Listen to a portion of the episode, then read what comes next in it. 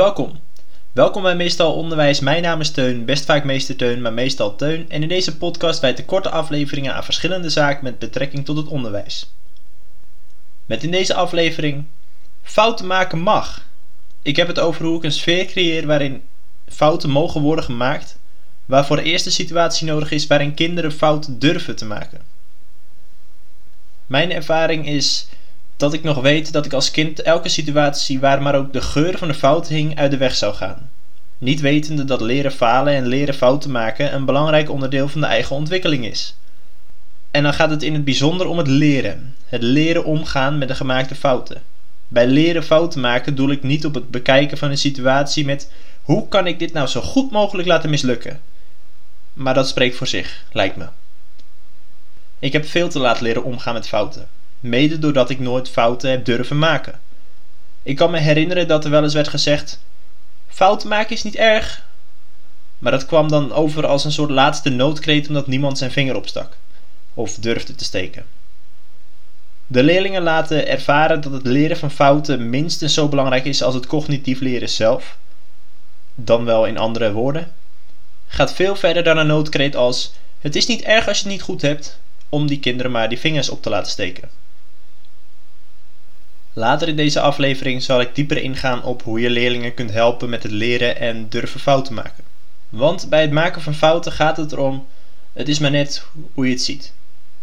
Het is maar net hoe je er tegenaan kijkt. Zo zijn er leerlingen die liever een 10 dan een 9 willen halen. Ik hoop dat er sprake is van intrinsieke motivatie en niet dat de toets de drijfveer van de motivatie is. Het is in zo'n geval eigenlijk heel simpel: je moet gewoon niets fout doen. Maar leer je daar wel echt van? Als je kijkt naar summatieve resultaten is het zeer positief. Maar het kind leert niet omgaan met fouten. Ik wilde vroeger mijn werk pas doen als de route naar succes duidelijk was. Anders was mijn motivatie ook gelijk weg. Het vertrouwen in mijn eigen kunnen zakte met de jaren. Ook omdat ik de eigenschap blijkt te hebben, nog altijd, om opdrachten net iets anders uit te voeren. Maar nog wel binnen het idee van de opdracht. Dat altijd net even iets anders doen omdat er geen duidelijk pad naar succes is, maakt dat ik ben gaan vertrouwen in mijn eigen kunnen. Behalve als de opdracht werd afgekeurd omdat ik me niet aan de richtlijnen heb gehouden. Op zo'n moment stortte dat kaartenhuis weer helemaal in. Dit alles maakt dat ik een eigen draai waardeer. Ik zie het als onderdeel van een vroege identiteitsvorming.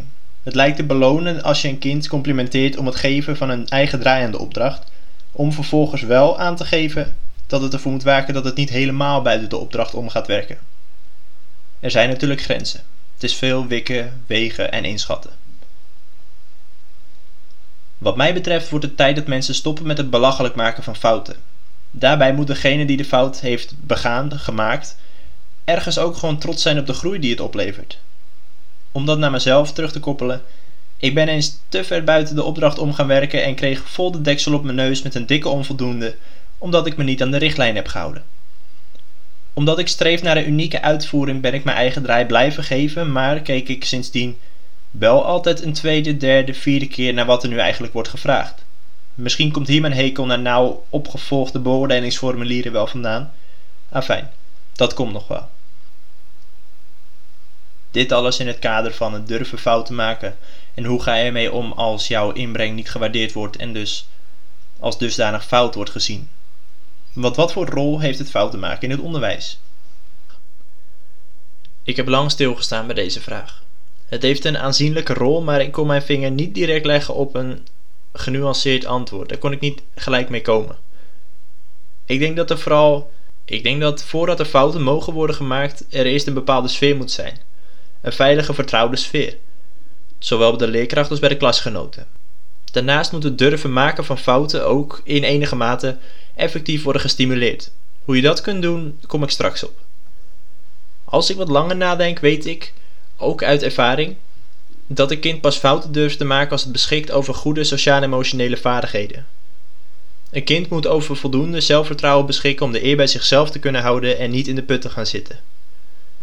Het kind heeft doorzettingsvermogen nodig en zo komen er nog veel meer dingen kijken bij een ideale wereld van positief foutenonderwijs.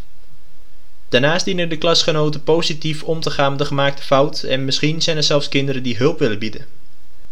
Bottom line: kinderen moeten leren fouten maken. Het is onderdeel van het leerproces, maar het benoemen van het is niet erg als je niet het goede antwoord geeft, volstaat niet.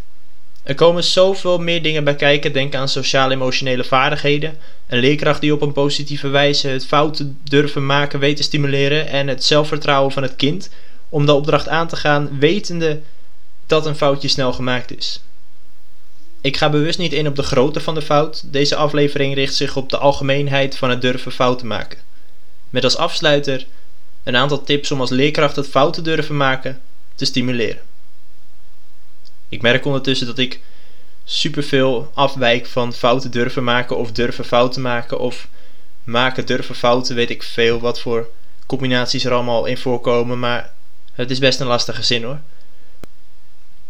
Je kunt beginnen met het aangeven dat fouten maken onderdeel is van het leren.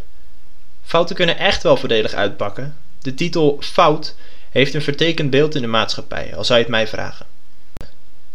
Stel na de gemaakte fout kinderen de vraag hoe het de volgende keer beter zou kunnen. Daar hoeft het geen formeel formulier voor in te vullen met tal van reflectievragen, nee. Je kunt de situatie gewoon positief bespreken, aangevend dat er toch niets mis mee is, om vervolgens te informeren naar waar het nu eigenlijk fout is gegaan.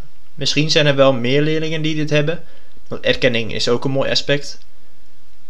Ik vraag dit altijd wel pas als ik zeker weet dat er anderen zijn met hetzelfde probleem of dezelfde fout. Zodat je geen gedachten als: zie je wel, ik ben de enige die dat fout doet, forceert of opwekt. Dan maak fouten als docent en wees daar eerlijk in. Ik hoop dat de meesten van ons dit wel doen, maar toch benoem ik hem. De titel meester of juf staat niet gelijk aan volledig uitgebalanceerde robot die totaal geen stress kent en al helemaal geen fouten maakt. Aangeboden door Telcel, want die hebben altijd dingen die iedereen zou willen. Meesters en juffen maken ook fouten. Dit kun je prima aangeven. Het kind zou iets hebben van: hé, hey, juf maakt een foutje en ze blijft gewoon lachen. Het is dus helemaal niet erg. Besteed aandacht aan de fouten van bekende mensen, dat is er ook een. Bekende mensen die iets bereikt hebben om maar aan te geven dat het niet om de fout gaat, maar om wat je ermee doet. Ook kwam ik online de volhouddoos tegen. Dit concept werkt als volgt. Je zet een doos in het lokaal waar leerlingen briefjes in kunnen stoppen. Iedere keer als iemand iets doorzet, mag hij of zij dit opschrijven en in de doos stoppen. De briefjes stimuleren het volhouden, het gaat richting een beloningssysteem en de leerlingen kunnen elkaar stimuleren, want, en nu komt het, als de doos vol is, is het natuurlijk tijd voor een feestje. Misschien kun je zelfs een aantal briefjes voorlezen, een aantal briefjes voor laten lezen, om maar weer aan die erkenning te werken. Tot slot, staat te alle tijden anonimiteit toe. Zo, dat was een lastige zin, die heb ik echt drie keer moeten doen. Maar goed, uh, kinderen moeten iets in vertrouwen dan wel anoniem kunnen delen. En wie ben jij als leerkracht om daar niet voor open te staan? Goed, dat was het voor nu. Bedankt voor het luisteren naar Meestal Onderwijs. Mijn naam is Teun, best vaak meeste Teun, maar meestal Teun. En in deze podcast wijd ik korte afleveringen aan verschillende zaken met betrekking tot het onderwijs. Voor je vandoor gaat, het zou zo ontzettend leuk zijn als je me op Instagram volgt. Zoek dan op meestalteun en meestalonderwijs. Dat is de Instagram pagina van de podcast. En laat dan gelijk even weten dat je de podcast hebt geluisterd. En dan sluit ik af met het altijd charmante. Adoei.